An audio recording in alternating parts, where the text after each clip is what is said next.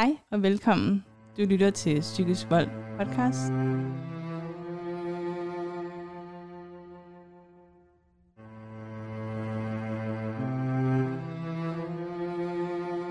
Og lige nu hører du Marie Andersen. Det er mig, der er vært. Og i dag har jeg fået besøg af en super sej og stærk kvinde, der skal dele sin historie med mig og jer, der lytter med. Hvad, med jeres første date egentlig? Hvem betalte for det? Jamen, der var jo ikke rigtig nogen første date, fordi det var jo i virkeligheden en køretur ind på bakken, og der nåede vi jo aldrig noget jo. Nej. Så han okay, har så det var hurtigt inde på bakken, at han gik igen, eller hvad? Ja, så det har jo været en tur på bakken, men vi har ikke prøvet noget, vi spiste ikke noget, vi gjorde ingenting. Vi, vi var der bare. Hmm. Okay. Så det har ikke været en tur, der har, har kostet noget. For noget, har han nogensinde betalt for noget? Ja, altså hvis vi havde været ude at spise, øhm, vi gjorde os ikke så meget i at gå ud og sætte os og spise. Det var mere, så tog vi ud, og så købte vi noget og tog hjem og spiste. Hmm. Men primært når vi handlede, så var det, så var det mig, der betalte. Okay. Men der er jeg også meget, altså meget selvstændig. Jeg kan godt klare det hele selv. Ja, men altså, så er det jo bare, så er det ikke kun dig selv, så er det to mennesker lige pludselig. Ja, og det har jo ja, tydeligvis min økonomi været, været påvirket af. Mm. Ja, det var det, vi snakker om også, at du tog det her lån på 10.000. Ja, for at kunne fortsætte den livsstil. Og det er jo enormt usundt at gå ud og låne penge, fordi han også skal have. Og det, men du følte dig bare nødsaget til, at du skulle ud og have penge, fordi ellers så ville han blive sur eller eller andet. Det ved jeg ikke. Jeg tror bare, jeg, det skulle jeg bare have. Mm. Jeg tror heller ikke, han, han ved, jeg har gjort det. Ja, okay. Fordi jeg mindes ikke, jeg har sagt noget. I skulle beholde den her livsstil, men havde du nogensinde dig selv i den tanke, at de her penge var til dig, eller var det bare til... Jeg tror bare, de er indgået i Mm. det almindelige daglige budget, fordi vi har haft hans husleje, min husleje, altså, så der har været regninger, vi har aldrig været fælles om noget som helst. Og han har i vores forhold næsten ikke arbejdet. Så pengene for ham har jo ikke været som et fuldtidsarbejde. Og det havde du? Ja. Okay, så det er måske også noget med det, at så tænker du også, jamen okay, jeg arbejder, jeg har haft mere øh, økonomisk overskud til at tage af os begge. Ja, og kan man sige, den livsstil, han havde, gav jo ham selvfølgelig nogle, nogle lommepenge, som, Mm. som man måske kan kalde det. Øh, men den brugte han jo på, på biler. Så er der lige noget, der skal skiftes, noget, der skal laves, og Mm. så kører den ikke lige, eller så var der en federe bil, og den skulle man have i stedet for. Og, men jeg har jo også prøvet at komme, komme ud af, af alt det her mange gange, men altså selve forholdet generelt. Fordi jeg ved også, at jeg har haft i alt det her dating noget imens, har jeg jo øh, haft en, og jeg vil ikke kalde det dating. Det var bare, ja. Men hvor også han sagde, men hvis du lover mig ikke at gå tilbage til ham, så vil jeg gerne gøre det her for dig. Øh, og det han ville gøre, det var, at han ville gå over og tale med ham. Men man ved jo godt, når en fyr siger, jeg vil gerne lige gå over og tale med ham, så er det jo ikke, fordi han har lyst til at bruge hans sprog. Mm. Øhm, men han kom ikke ud. Så der, der skete ikke noget øh, lige på den front, andet end at han jo gjorde skade på hans bil. Ville du gerne have, at han skulle gøre det? Nej. Men, men man er også et sted, hvor at, at når folk siger, at han er ikke sød ved dig, nu gør vi det her. Nå, så okay. Ja, og det er noget, jeg selv øh, har oplevet, og der vil jeg bare sige, at jeg synes, det var enormt ubehageligt, når folk ville begynde at blande sig på den måde, fordi jeg tror, nu taler jeg ud fra mig selv, men det jeg havde brug for, det var ro. Mm. Jeg havde ikke brug for, at de rendte rundt og skulle skabe mere Ragnarok, end der var i forvejen. Og i sidste ende, så er chancen for, at du ender sammen med ham alene på et eller andet tidspunkt stadig ret stor. Ja. Og så er det meget sandsynligt, at det hele kommer tilbage på dig. Ja, så kommer der nogle konsekvenser, men, men det gjorde der faktisk ikke. Mm. Jeg fik faktisk ikke nogen konsekvenser. Han sagde jo selvfølgelig, du skal altså betale de her penge tilbage, som jeg har måttet måtte lave bilen for. Men det har jeg aldrig gjort, og jeg har ikke hørt noget. Det skal jo ikke være nogen hemmelighed, at selvfølgelig har jeg talt med, både min, min mor og min søster og, og folk tæt på om, omkring det her, men min søster har jo skrevet en lang tekst til mig inden mm. alt det her med hendes tanker og følelser, og hun ringede mig, eller hun skrev til mig, at jeg skulle ringe til hende, inden jeg læste dokumentet. Øhm, og der udtrykte jeg også for hende, at vi var lige så gode venner, øh, når jeg havde læst dokumentet. Øh, og jeg blev enormt rørt af at læse det her dokument. Øh, der skal alligevel meget til, at, at tårne triller, men de trillede. Øh, men hun sluttede jo også af med, at, at hende og min mor havde snakket om, at, at det nok var et spørgsmål om tid, før jeg ikke var her længere. Fordi det var der, det var drevet ud. Og det er også en af de ting, der gør, gør indtryk. Jeg ved, at min mor har sagt det før, at hun har altid været nervøs for at skulle læse om mig på forsiden. Øh, og det giver måske også indblik i, hvor voldsomt det har været udefra, og jeg ikke selv har opdaget, hvor voldsomt det har været. Øh, min mor tilbød mig at komme på ferie med hende, og det eneste hun sagde, det var, at jeg betaler din ferie, du skal bare have lommepenge med, men du skal bare love mig, at du ikke kontakter ham, mens vi er afsted. Øh, og jeg vil gerne love dig, når vi kommer hjem igen, så er det jo ikke interessant længere, fordi så har du været væk så længe. Han har fundet en ny så. Hvor lang tid var jeg væk? Jamen, vi var slet ikke væk, fordi mm. jeg tog faktisk ikke med. Jeg har fravalgt min egen familie for at være sammen med ham. Ja, det er måske det, man kan sige udefra, men det er ikke den fornemmelse, jeg har, når du siger det. Fordi at det er ikke din familie, du fravælger, det er nok mere det ultimatum, din mor ligesom stiller dig. Mm. Og det, det er også det er meget nemt at sige, når du, når du kommer tilbage, så har han glemt alt om dig. Men så er jeg også alene. Ja. Og du kan heller ikke være sikker på, at han har glemt alt om dig. Mm. Nej, han ved, hvor jeg, hvor jeg bor, og hvilken bil jeg kører i, og mm. han kender mine arbejdstider, ikke? Ja, og sådan, selvom det er den bedste mening, så kan man altså ikke vide sig sikker på noget. Mm. Og jeg synes også, ja, jeg, jeg tror ikke, at det er den rigtige måde at takle det på. Ikke at jeg ved, hvad den perfekte opskrift er, men... Man forstår jo godt, hvorfor hun siger, som hun gør, og forstår mm. hendes følelser og hendes altså, tanke bag det hele. Mm. Men jeg var jo ikke klar til at gå, som hun lovede mig 17 millioner, så vil jeg stadigvæk sige, behold dine penge selv. Jeg tror også, der er mange, der bliver ramt på et eller andet tidspunkt, i, det både i, i voldelige forhold, men også ikke voldelige forhold. Men hvis det går dårligt, at man holder ud i noget tid, men så en eller anden dag, så sker der noget i en, og så er man sådan, okay, nu er jeg klar. Men inden man har den følelse, så er chancen for, at man går tilbage ret stor. Hvis du ja. ikke havde den følelse, at... Men det havde jeg ikke, og jeg ved ikke, hvor det er blevet spurgt om flere gange. Hvad skete der? Jeg ved det ikke. Mm. Altså, jeg har jo skiftet mobiltelefonnummer et hav af gange. Øh, nu har jeg haft det samme nummer i, i fem år. Altså, meget underligt, når jeg kan se på Facebook, det popper op, at når man, øh, jeg har fået et nyt nummer. Eller, altså, mm. det der med, at der er faktisk sket en ændring i mit liv. Ja.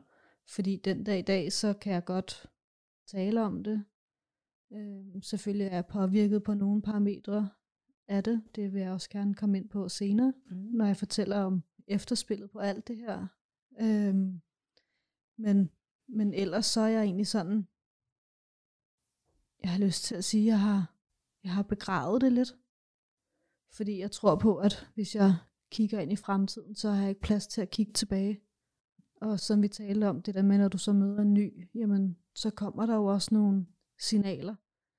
Øh, jeg er desværre stadig en lille smule draget af, af den personlighed og den, jeg ved ikke, hvad skal man sige, glæde, eller Ja.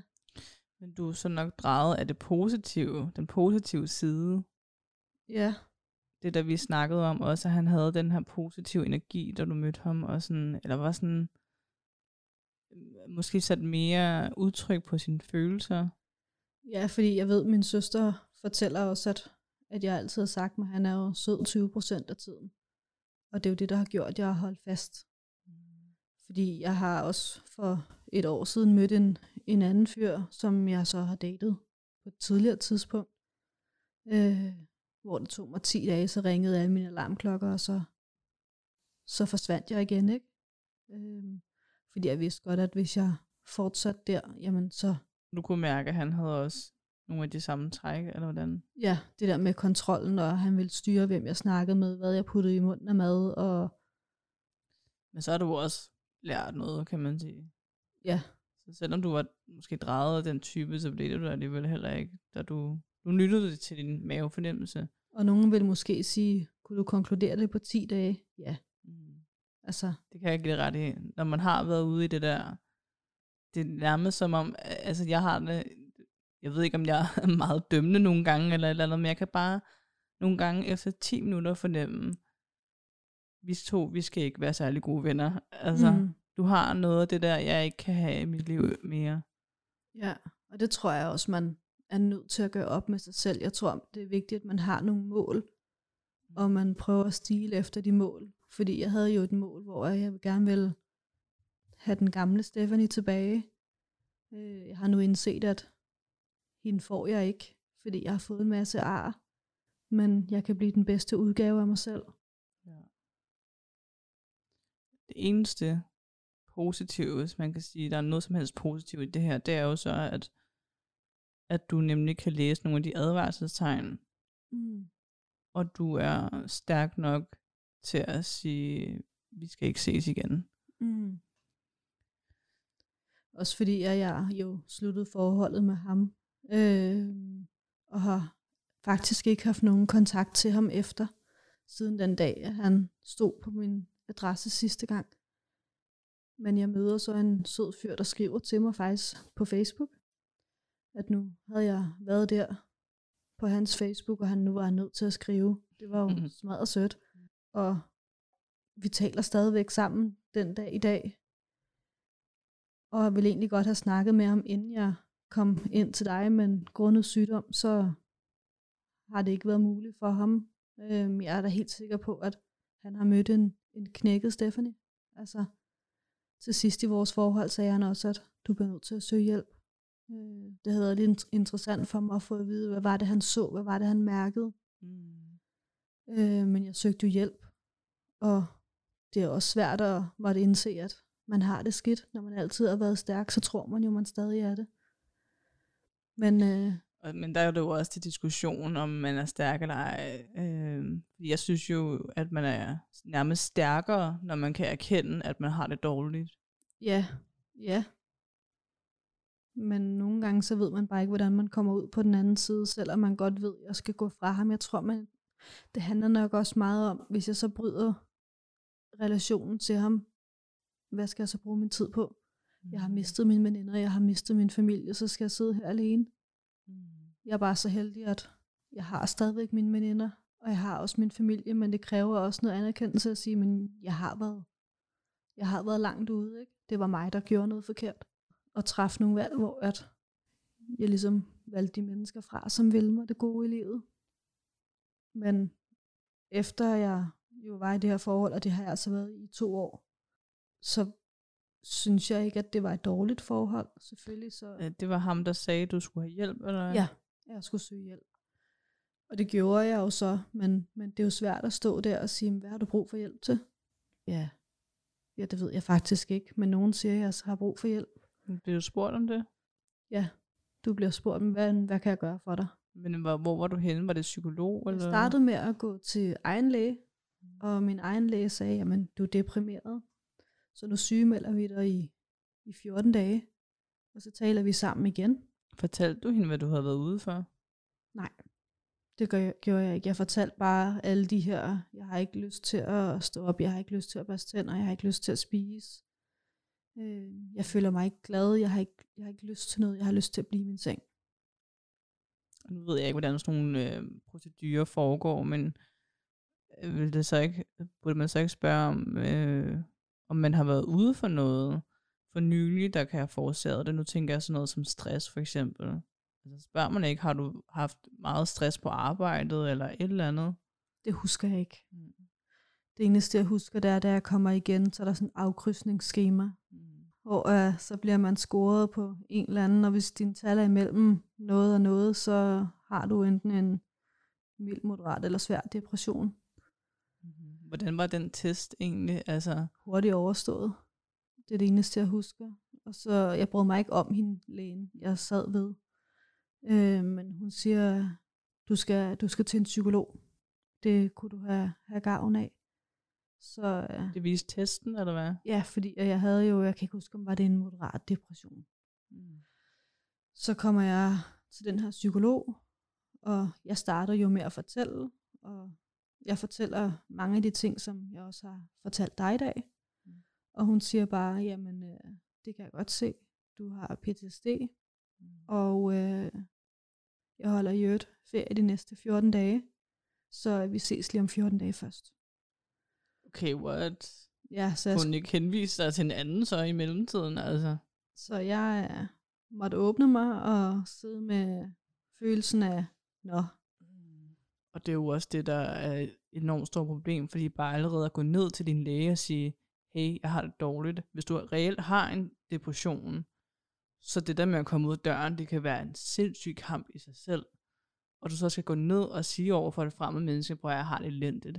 Nu var det ja. Så ikke depression, du havde, men altså, nu kender jeg bare nogen, der har haft det, og så det der med at skulle sidde og krydse af. En anden ting er også, at det kan være meget nemt at lyve, både over for sig selv og i sådan en test, at man måske ikke har lyst til at erkende helt, at man har det så dårligt. mm, Så det, jeg synes allerede, det, at det kan blive en lang proces bare at komme derhen til en psykolog.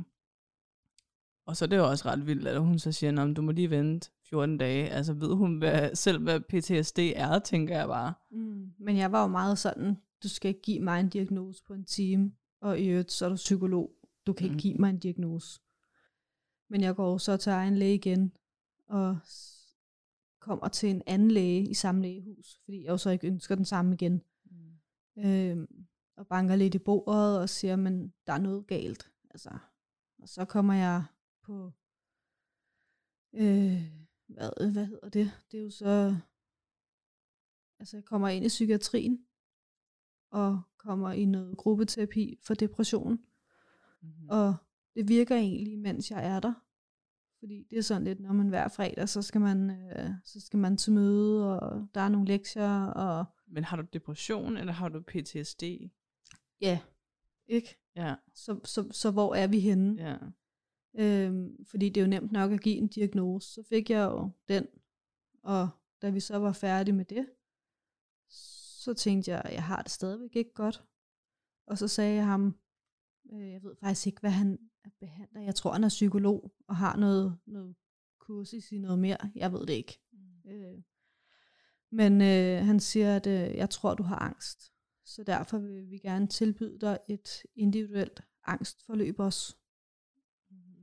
Ja, så tænker jeg, "Nå, men så er det da det, vi gør. Og Øhm, angst for noget specifikt? jamen, det er jo så angst for at møde ham. Altså, øhm, og så, jeg bryder mig ikke om at få vand i ansigtet. Fordi der, da jeg var sammen med ham, så var jeg nødt til at skulle holde øje med hoveddøren. Og det gjorde jeg igennem et spejl på badeværelset. Og hvis man har vand i ansigtet, så kan man jo ikke være på vagt.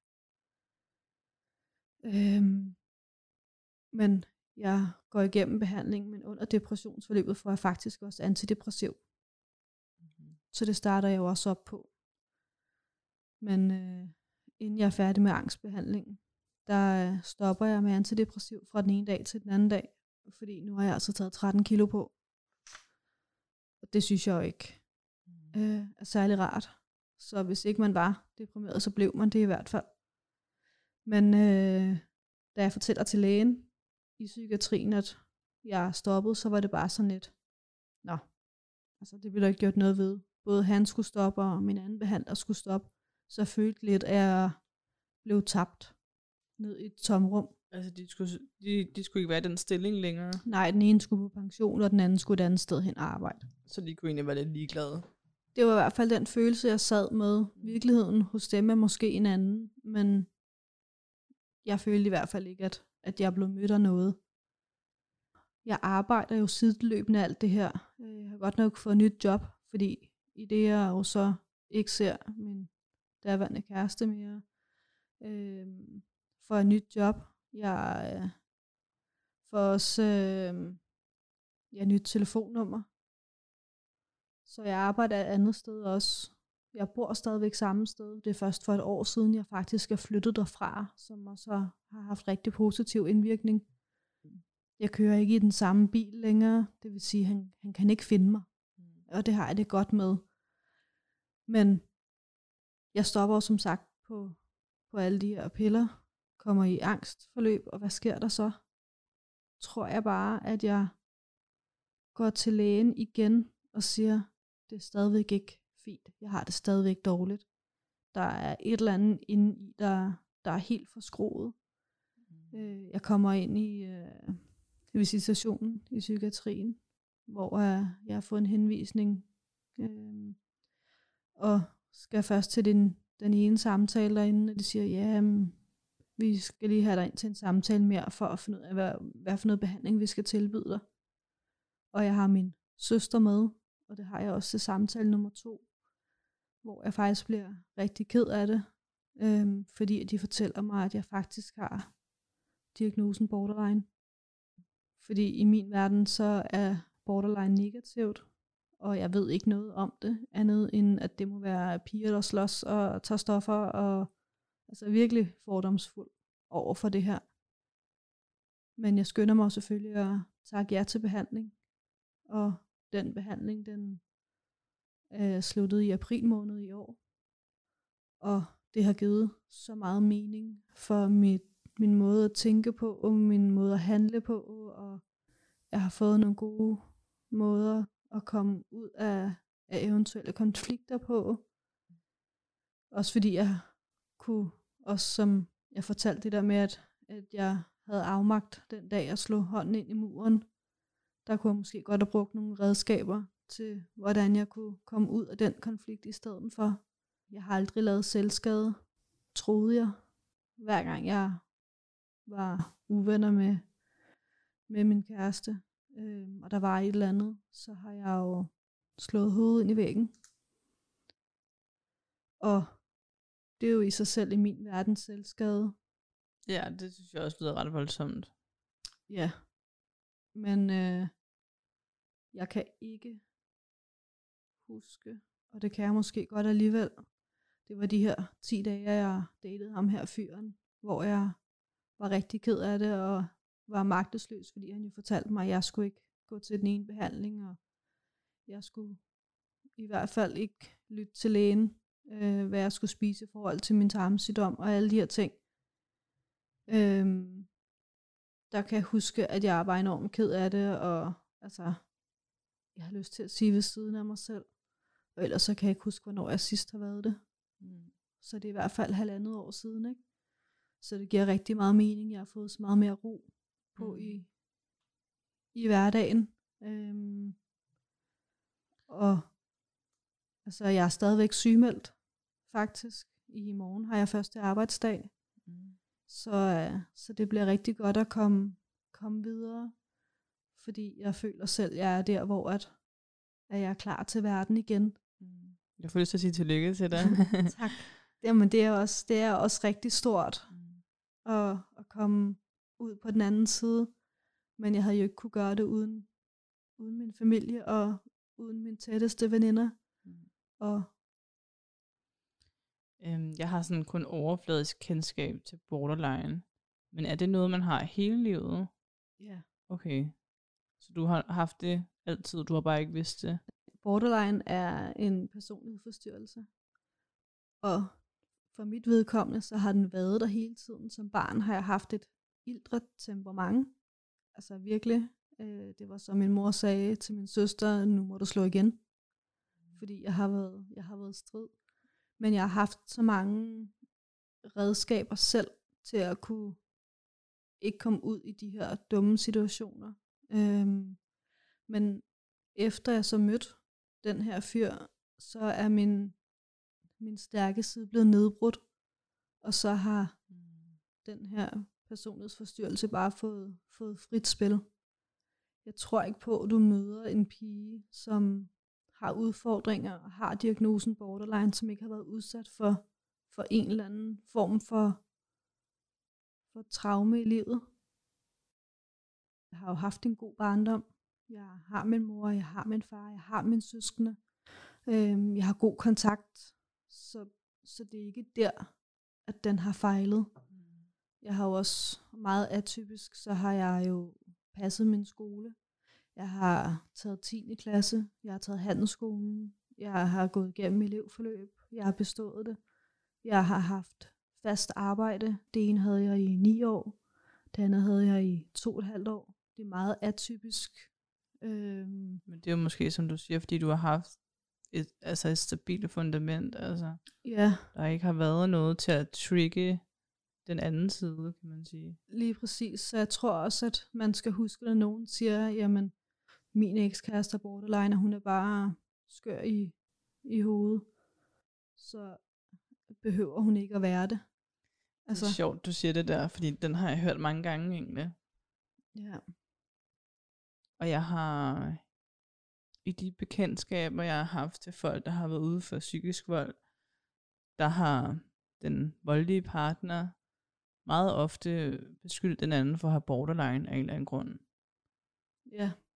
Og jeg ved ikke hvorfor, men det er åbenbart noget, som de godt kan lide at bruge imod deres ofre, siger men, lidt i gåsøjne. Jeg tror måske også, fordi at borderline er jo en psykisk lidelse, som altså, gør dig sårbar. Mm. Så du er jo enormt modtagelig. Og ja. for mit vedkommende handler det jo nok også om, hvem er jeg? Fordi den stærke pige, jeg troede, jeg var, var jeg pludselig ikke. Men hvad kan jeg godt lide? Øh, det ved jeg ikke, fordi øh, hvad vil min daværende kæreste sige, hvis han nu sagde, vi skal have et, øh, et Philips fjernsyn, kan jeg huske, der var på et tidspunkt, og min holdning var egentlig, et fjernsyn er vel et fjernsyn. Altså, mm. øhm, hvor det næsten blev altså en diskussion, fordi han jo så ikke kunne tilbyde os det her Philips fjernsyn, og vi endte med et LG. Altså. Der har jeg ikke nogen holdning til det. Nej. Og det er meget sådan, jeg pludselig kunne tage hans holdning også til de forskellige ting, og det er jo også igen klassisk borderline. Så jeg tror måske bare, at piger, såvel også som fyre med borderline, er bare nemme at altså manipulere og få der, hvor man præcis gerne vil have dem. Mm. Jeg har bare truffet den beslutning, at nok har jeg borderline, men, men jeg er Stephanie. Mm. Jeg er ikke uh, hende pigen med borderline. Og det tror jeg også er vigtigt, der mm. hvor man, hvor man er. Og derfor bruger jeg også energien på, når folk de siger noget grimt om borderline, jamen ved du overhovedet, hvad det er? Ved du, hvor mange sammensætninger det er? Ved du, hvad der faktisk trigger øh, hos, hos Kan det ikke folk, også være meget forskelligt, borderline fra person til person? Ja. Altså jeg mener, det er 256 sammensætninger ja. af borderline, så der er jo ikke nogen, der er ens i, i adfærden. Men ligesom, som jeg tror var det første gang, vi to talte sammen, sagde du også, at vores historier er forskellige, men vores følelser er de samme. Det tror jeg også på, at... Mm. Jeg har jo også en, øh, en bekendt, der arbejder i psykiatrien, som har fortalt mig, at borderline egentlig er noget af det sværeste for dem at behandle, fordi det er så forskelligt. Der findes jo ikke nogen medicin. Så er der nogen, der tror på, at, at så skal man have altså behandling i, i det kognitive. Det var jo det, jeg fik, da jeg var i depression og angst. Hvad var min behandling egentlig? Det er jo, det er jo svært at fortælle. Det handler jo om, at nu ved jeg, at nu skal jeg ned og handle, og jeg bliver stærkt provokeret af folk, der enten går for tæt på mig, eller folk, der springer over i køen, eller sådan et eller andet. At man måske siger, okay, nu skal du lige, hvis der kommer en, der gerne vil springe over, så lad personen gøre det. Altså. Ellers så, men du bliver vred, eller hvad? Ja, eller, okay. så vil jeg blive sur. Ja. Øhm, jeg har også flere gange stået ud af min bil, mens jeg kører, hvis der er nogen, der provokerer mig i trafikken. Det er jo også fuldstændig fjollet. Mm. Men der har jeg jo lært nu at sige, okay, jamen, jeg, jeg har lyst til at sige, kald det pyt. Mm. Altså. Pytknappen. ja. Mm. Og den, øh, den kommer også. Og hvis jeg har en, en snak om et eller andet, som måske spidser ud i noget, så siger man, jeg kan ikke rumme mere nu. Mm.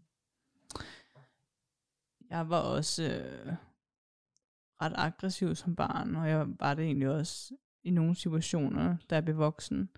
Men jeg nåede bare til et punkt i mit liv, hvor jeg ligesom begyndte at indse, at den vrede, der opstår i forskellige situationer, det rammer i sidste ende kun mig selv. Mm. Altså det er mig, der får en dårlig dag. Det er mig, der får en dårlig oplevelse af det her. Så det var sådan, jeg ved ikke, hvordan jeg kom frem til det, men det gjorde jeg bare. Og det var jo øh, en helt ny verden, der åbnede sig pludselig. Ikke at skulle øh, blive vred over de ting længere. det har i hvert fald, det har i hvert fald hjulpet mig at, at sige ja, ja tak til det her behandling. Jeg er selvfølgelig ked af, at mit første møde med, med behandling var, at du har PTSD. Øhm, I dag har jeg egentlig bare ja, borderline som diagnose.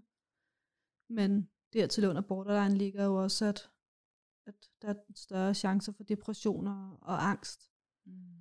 Øhm, jeg har mange træk fra PTSD, men heldigvis ikke nok til, at man går ind og siger, så er der en diagnose. Øh, jeg øver mig stadigvæk i, i vand i ansigtet. Det bliver hovedet tilbage under bruseren og lynhurtigt vand ned i ansigtet.